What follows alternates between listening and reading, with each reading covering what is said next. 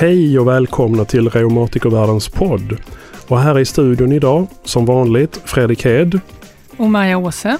Är det fullt av längtan och känslor. För det handlar om att vilja bilda familj, att längta efter barn och samtidigt ha en reumatisk sjukdom. Vi träffar Linda som nu väntar sitt andra barn men som inte trodde att hon skulle kunna bli mamma. Kommer jag inte kunna bli mamma, då vet jag inte vad jag gör för att då känns inte livet meningsfullt. Radiokändisen Jonathan Unge som hörs i P3 och programmet Tankesmedjan, han berättar om sin ledgångsreumatism som är en sjukdom som ställer krav på ordning och reda, vilket Jonathan Unge säger att han är ganska så ordentligt kass på. Eh, jag är liksom sämsta personen att få en sån här sjukdom som, eh, som kräver att man har, är disciplinerad, har koll på sin kropp, tar hand om sig själv, känner, efter, känner sin kropp, känner efter när man är, är, är sjuk eller man behöver vila etc. Och så har vi nyheter. Det är brist på reumatologer i Sverige. 140 specialister saknas. Världsunik handprotes har testats i Örebro och i Linköping slipper patienter sina mediciner tack vare ett framgångsrikt projekt. Och dessutom så blir det en musiktävling och vi får veta hur det går till att göra Reumatikerförbundets jubileumstårta. Och det är mycket chokladfluff och sojavisp och blåbär att hålla reda på. Välkomna till Reumatikervärldens podd nummer tre.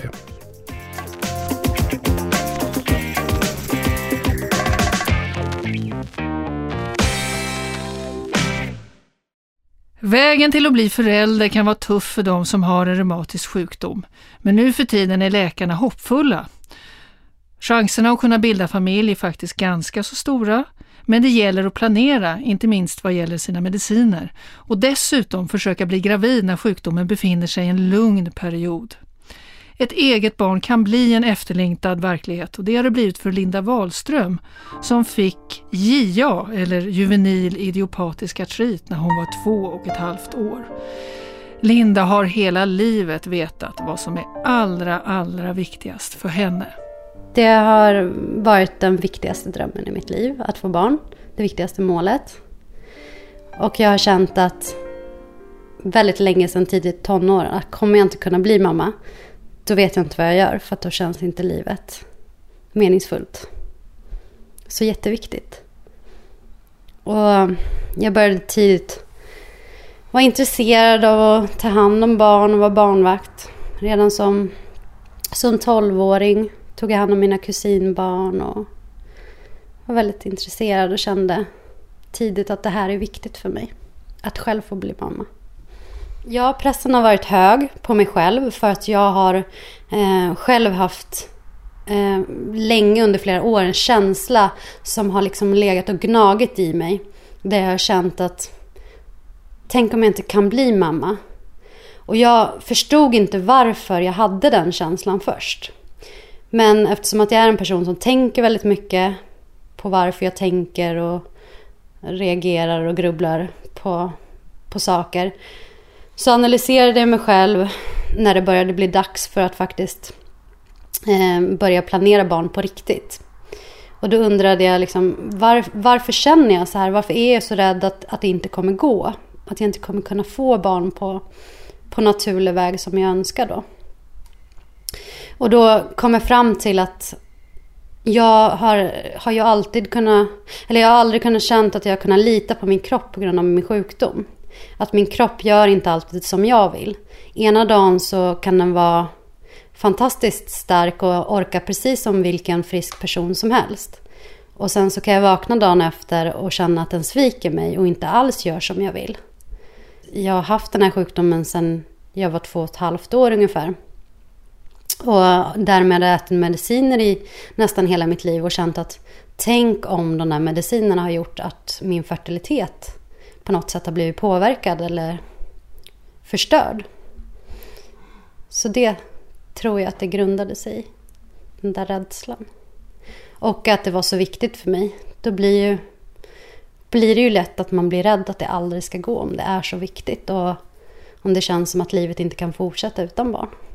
Men trots all oro och rädsla har det gått bra. Linda lever idag utanför Uppsala med sonen Malte som är ett år och sambon Jonas. Och hon väntar nu sitt andra barn och det får hon i början av nästa år. Allt känns ganska bra, men Linda minns hur det var när planerna på barn blev allvar på riktigt. När det var dags. Nu skulle Linda bli gravid för första gången. När det blev aktuellt och vi hade bestämt oss för att vi ville försöka få barn då blev det ju bara en enda stor press och det var det första jag tänkte på när jag vaknade och det var det sista jag tänkte på innan jag somnade. Och jag hade svårare att sova och vaknade på nätterna och jag grubblade och jag fick aldrig ro i kroppen förrän, förrän jag blev gravid. Och då började nästa oro om jag förlorade barnet. Så att oron byttes bara ut. Och jag tänkte bara att snart så, så kommer någonting gå åt helvete. Jag hade svårt att känna att jag, jag kanske förtjänar att få vara lycklig. Det kanske är bra nu. Jag reagerade inte som jag trodde att jag skulle börja storgråta och eh, bli helt överlycklig och vara fylld av massor med lyckorus och bara sväva på små rosa moln. Det skedde inte för mig. Och det skedde heller inte under hela graviditeten och det skedde heller inte under när alla, alla beskrev för mig innan som har barn, när du får upp honom på bröstet, den känslan. När det är över och du bara känner att du ser ditt barn för första gången, hur lycklig du kommer vara, du kommer gråta. Och jag är en väldigt känslosam person och jag har lätt gråt. Så jag trodde också att jag skulle gråta då. Men när han ligger där på mitt bröst så tänker jag, varför gråter jag inte?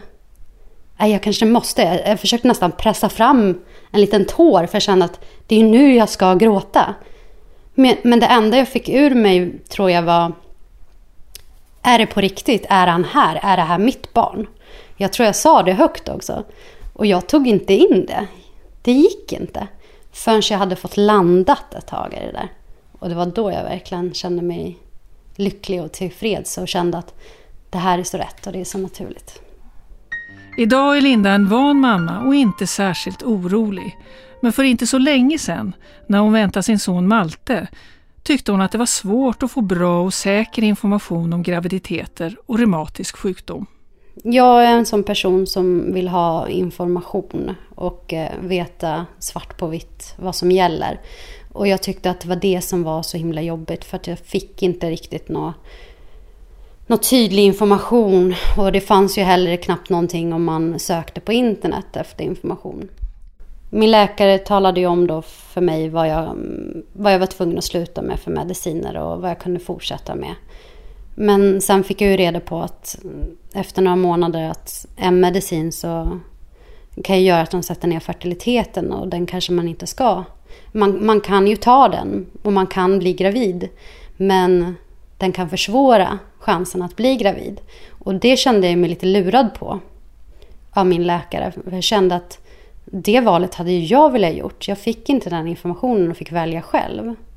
Jag hade ju velat haft det som sagt tydligare att det här gäller och det här gäller inte och att jag hade känt att, ehm, att de har en tydlig riktlinje, alla läkare, att de har liksom samma syn på vad som gäller över hela Sverige. Och den bilden som jag fick var att man sa olika. För läste man då på internet så fick man höra att någon som tog en medicin som jag tog, dens läkare sa att den här medicinen var livsfarlig att ta om man blev gravid. Medan min läkare sa att jag kunde ta den tills jag blev gravid. Och det är ju det där som gör att man blir osäker för då hamnar ju besluten och risktagandet och helt, allt ansvar på mig som patient. Och det var det jag tyckte var fel och jobbigt.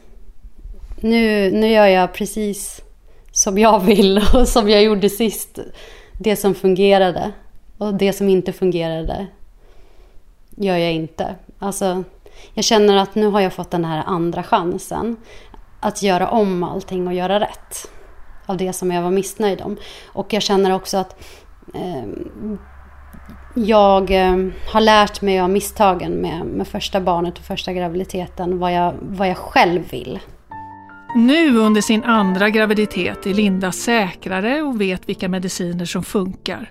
Och när det handlar om amning så känner hon också till vad hon har att vänta. Men som gravid så har hon inte varit så nöjd med sina vanliga läkare. Men hon är väldigt glad för de tydliga besked hon får och har fått från specialistmödravården. Den är helt enkelt jättebra, säger Linda. Och de var väldigt tydliga med de här medicinerna kan du ta, de här kan du inte ta. Och där fick jag det där som jag ville.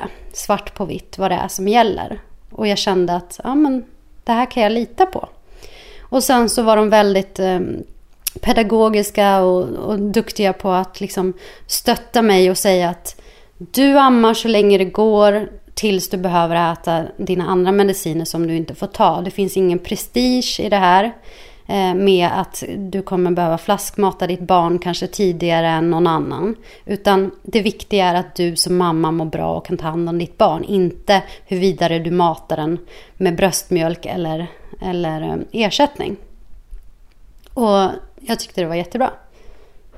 Hur, hur kändes det att få sådana tydliga besked?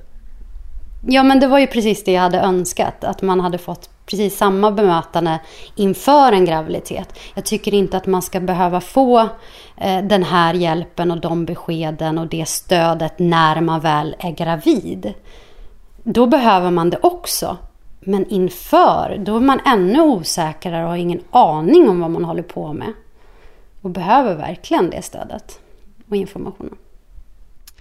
Linda ser tillbaka på hur det var att vänta barn för första gången och hon minns den där kvällen när hon skulle berätta för sambon Jonas att äntligen, äntligen hade det gått vägen.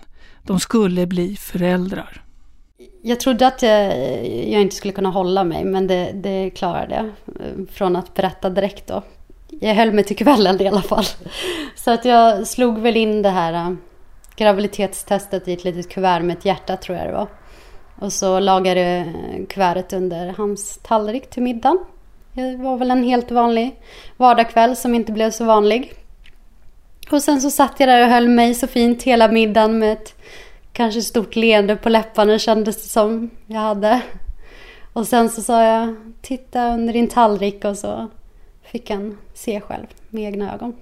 Han eh, blev såklart jätteglad och sa att ja, men jag visste att den här dagen skulle komma för han är mer optimistisk och trodde alltid på det här och var mer så här stöttande och den här äh, klippan som jag kunde hålla mig i när det stormade.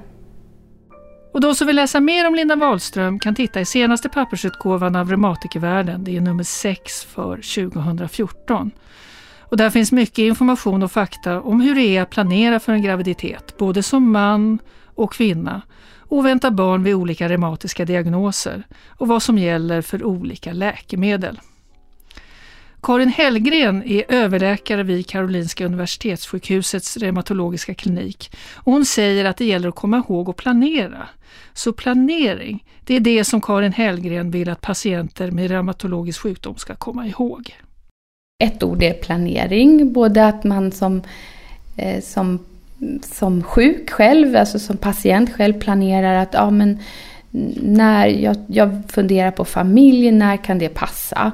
Och att man pratar med sin doktor så att man kan planera det tillsammans när det gäller medicin och justeringar av det och så vidare. Och också jätteviktigt är ju, som vi återkommer till hela tiden, att man ska försöka gå in i en graviditet när sjukdomen är lugn. Man ska undvika att bli gravid när man precis har blivit sjuk och är väldigt aktiv och har det besvärligt. Utan vänta tills det, tills det är ett bättre läge. Tills medicinerna har fått göra sitt så att säga. Jag tror att de flesta, majoriteten som får diagnosen en kronisk sjukdom eller en kronisk reumatisk sjukdom funderar kring det här.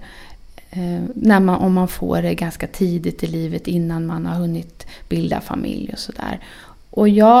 men det är inte alla som tar upp det faktiskt. Så ett, eh, ibland får man fråga aktivt. Eh, har du funderat på det här och hur ser du på det här?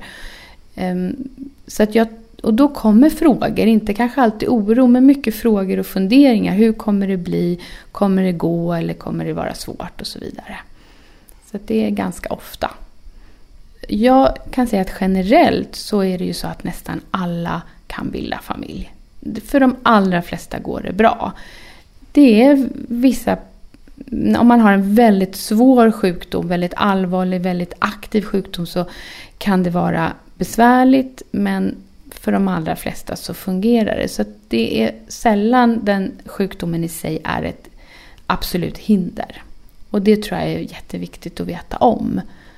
Oftast så försöker jag träffa patienterna en, ungefär två månader efter förlossningen för att då kan det vara eh, ibland kan det, kan det ju vara så att sjukdomen då blir mer aktiv igen efter en, efter en förlossning och då är det bra att, att titta efter hur det ser ut. Och då är alltid bebisarna nästan med. Så man får lite feedback också faktiskt på att det har gått bra oftast. Mm. Sen ska man ju veta att naturligtvis att ibland går det inte heller. Det, inte, det fungerar inte jämt och ibland har man en så svår sjukdom att det inte, att det inte går att att, få familj på det sättet. På att föda ett, ett, ett eget barn. Men, men det är undantagen. Ja, det var alltså Karin Hellgren, överläkare vid Karolinska Universitetssjukhusets reumatologiska klinik. Och hon är också intervjuad i pappersutgåvan av Reumatikervärlden. Och nu blir det nyheter. Först ut en nyhet om att det saknas en hel del reumatologer i svensk sjukvård. Enligt Svensk reumatologisk förening behövs det idag ytterligare 140 läkare med specialistkompetens i reumatologi. Enligt Thomas Bramell, som är reumatolog stationerad i Göteborg, betyder den här bristen att patienter får sin vård senare och att läkarna inte kan vara tillräckligt aktiva i arbetet med att följa upp sina patienter. Med fler reumatologer blir helt enkelt vården bättre, säger Thomas Bramell. För att lösa problemet tycker han att klinikerna måste få mer pengar av landstingen till att anställa fler specialister. Klinikerna måste också prioritera att utbilda de läkare som vill gå vidare och bli reumatologer. Världsunik handprotes testas i Örebro. Som första klinik i världen har handkirurgen i Örebro utvecklat och opererat in en helt ny sorts handprotes. Protesen är gjord av metall och plast. Den ser ut som en vanlig handled och sitter fast ordentligt i skelettet. Risken för att den här handprotesen ska lossna är mindre jämfört med andra proteser och den är också lätt att laga om den skulle gå sönder.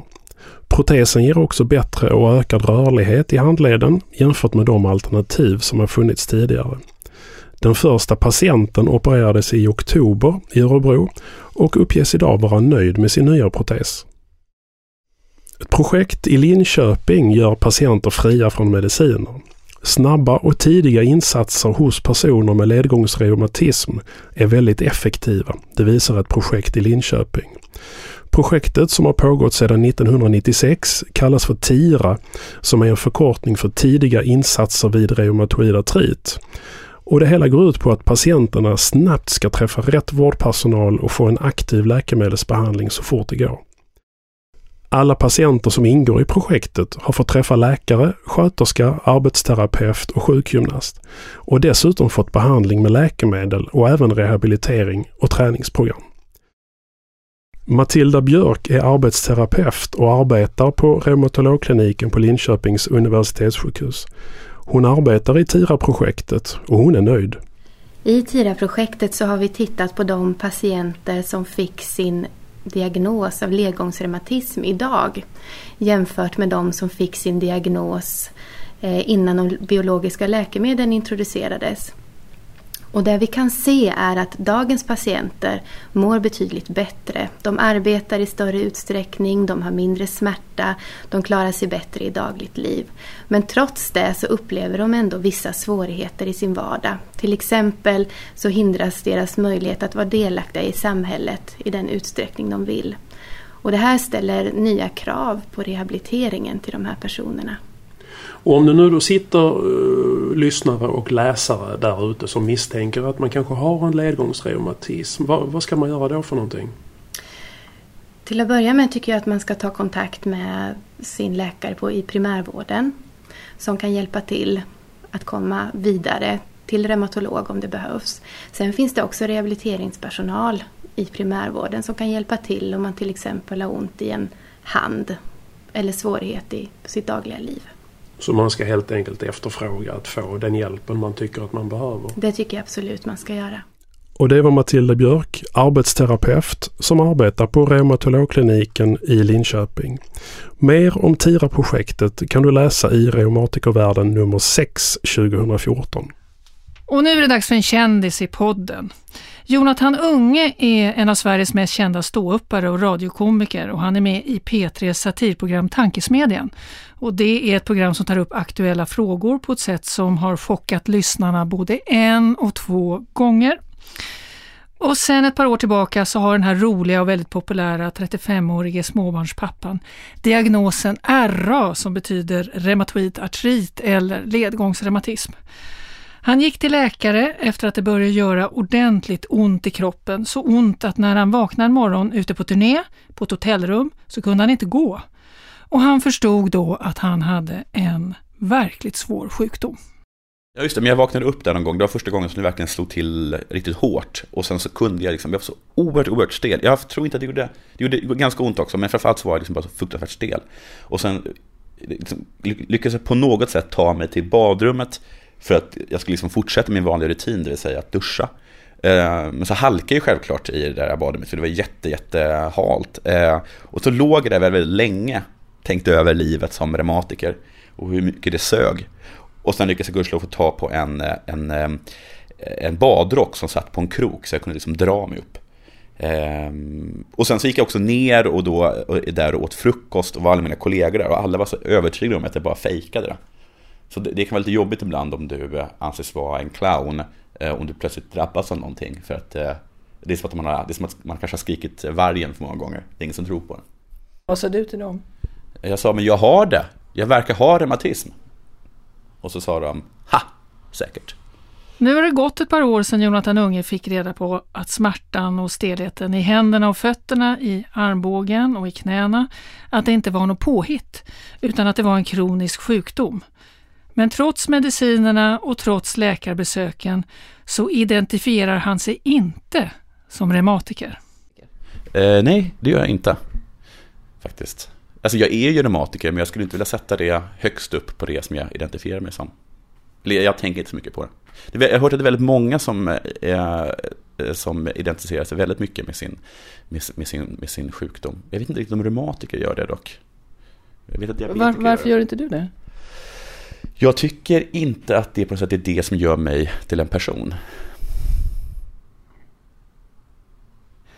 Nej, men jag är eh. tjock till exempel också, men jag identifierar mig inte som tjock.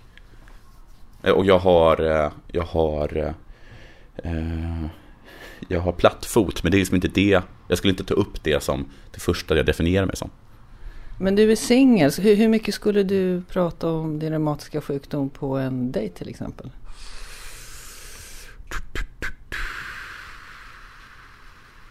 Hmm. Jag vet inte, men jag, eh, nu har jag varit ihop eh, eh, med, med en person. Vi har gjort slut nu, men, och då fick jag reumatismen under. Så jag, liksom, jag har liksom inte varit på någon dejt. Men jag skulle kunna tänka mig att det kanske kommer upp ifall, ifall, ifall att det händer någonting. Säg till exempel att jag, att jag har ett väldigt upp, jag, ibland har jag till exempel väldigt, väldigt uppsvullna knän om, om, om det då ses eh, så skulle jag kommentera, skulle jag förklara det. Liksom. Men, vet, men jag skulle inte öppna med det. Jag, jag, nej, jag tror inte det. nej, jag skulle inte öppna med det. Det är inte det första jag säger på en dejt. Vad har du sagt till din dotter? Hon är tre, så jag har inte sagt något till henne. Berätt... Jo, jag, jag skrek åt henne någon gång att jag inte orkade leka hund. Eh, för att jag får, fick så, jag får så ont i armlederna och knäna. Så jag, jag leker självklart hund med henne. Men eh, när jag slutar så försöker jag förklara för henne att det är på grund av att, eh, att jag är reumatiker. Men det säger inte henne någonting så att hon, hon tycker inte att det är någon Det kommer inga besvärliga följdfrågor? Det kommer, nej, det kommer inga besvärliga, eh, det kommer inga följdfrågor. Det kommer inte heller någon sorts förståelse. Jonathan Unge säger rakt upp och ner att det är jobbigt att vara sjuk och det är jobbigt att ha en kronisk sjukdom. Och det var också hans reaktion när läkarna sa att Jonathan, du har reumatoid artrit. När han fick det beskedet, då tänkte han bara på en enda sak. Fy vad jobbigt. Alltså det är så oerhört jobbigt att ha en, eh, en kronisk sjukdom. Eftersom det blir, Alltså, det, man blir aldrig frisk liksom. Det handlar ju bara om att det inte ska bli värre. Och på något sätt så verkar det som att det blir hela tiden lite värre. Det är bara att det inte ska bli jättemycket värre. Eh, och jag är, på sätt känns jag, eh, jag är liksom sämsta personen att få eh, en sån här sjukdom som, eh, som kräver att man har, är disciplinerad, har koll på sin kropp, eh, tar hand om sig själv, känner, efter, känner sin kropp, känner efter när man är, är, är sjuk eller man behöver vila etc. Så att antagligen så vill Gud bara, vill Gud bara straffa mig, nu tror jag inte på Gud, eh, eller så eh, vill han ge mig något som gör att jag helt enkelt var tvungen eh, att skärpa mig. Men då tycker man att Gud kanske borde ha känt mig bättre. Så vad skulle du vilja säga till Gud? jag skulle säga, snyggt gjort, eh, den här såg jag inte komma, så härligt ironiskt, dra till helvete. Mm, hårda ord. Ja, men Gud kan ta det. Ja. Man kan alltid driva vid makten. Jonathan Unge är också intervjuad i pappersutgåvan av Reumatikervärlden och de som inte kan få nog av den här roliga killen kan höra honom i Tankesmedjan i P3.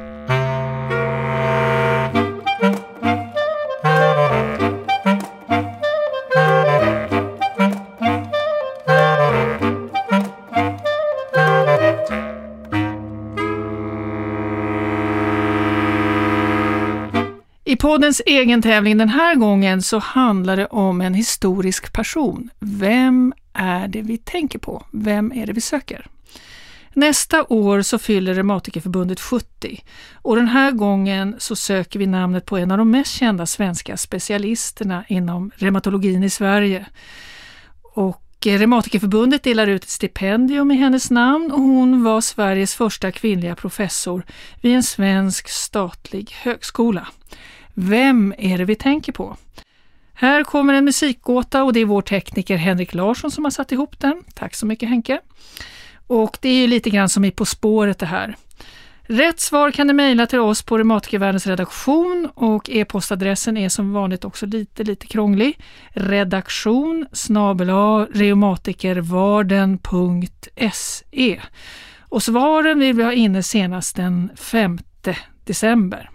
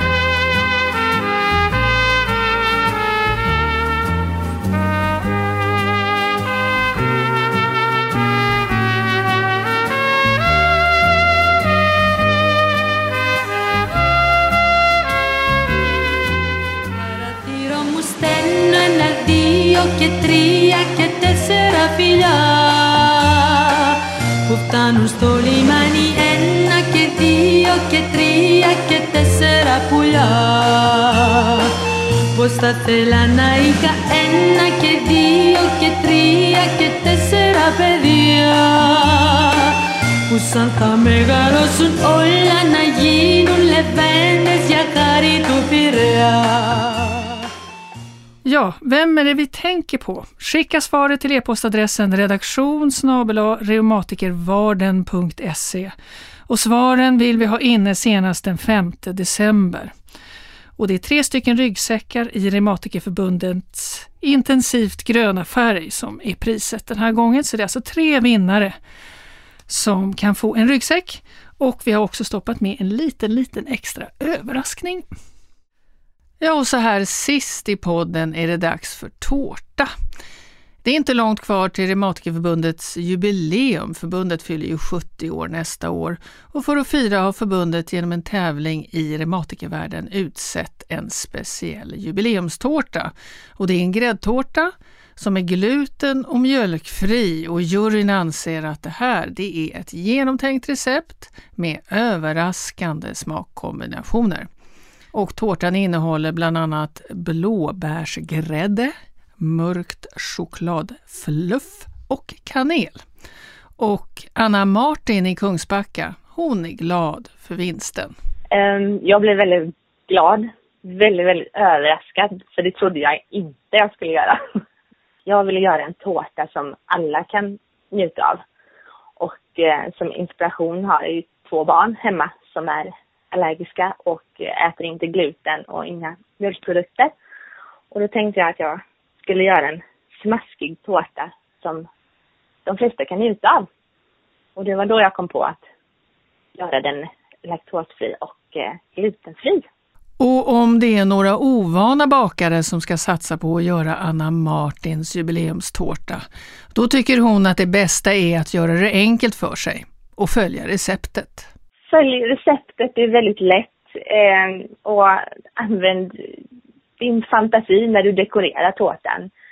Eh, smakerna är väldigt enkla. Det är ju choklad och blåbär och sådana smaker som, som de flesta känner igen. Så att, eh, ja. Och om den inte blir lika snygg som din, vad ska man göra då? Det har ingen betydelse. Du ska ha roligt i köket. Det är det. Du ska använda din kreativitet och ha roligt i köket. Det är det jag har varje gång jag bakar. Och eh, jag bryr mig inte ofta om hur, hur det blir, bara det blir. Och jag har roligt. Det är mitt tips. Ha roligt i köket när du bakar. Ja, Anna Martin i Kungsbacka är alltså vinnaren i Reumatikerförbundets tårttävling och hela receptet på jubileumstårtan finns i Reumatikervärldens pappersutgåva på sidorna 54 och 55. Det var allt för den här gången från oss på Reumatikervärlden. Hör gärna av dig med tankar, idéer och åsikter till oss. Vår e-postadress är redaktion reumatikervalden.se och glöm inte bort att läsa papperstidningen också. Tekniker som vanligt Henrik Larsson i studion Maja Åse och Fredrik Hed. Hej då!